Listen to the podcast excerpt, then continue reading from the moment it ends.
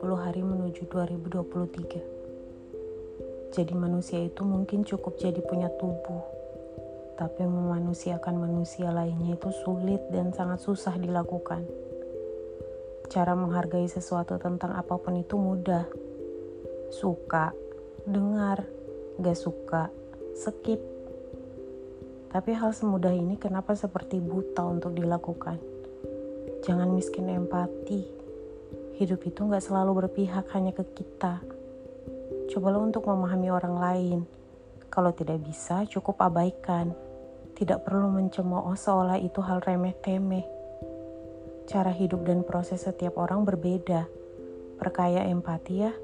Dan teruntuk semua yang lagi di keadaan tidak baik-baik saja, lekaslah membaik.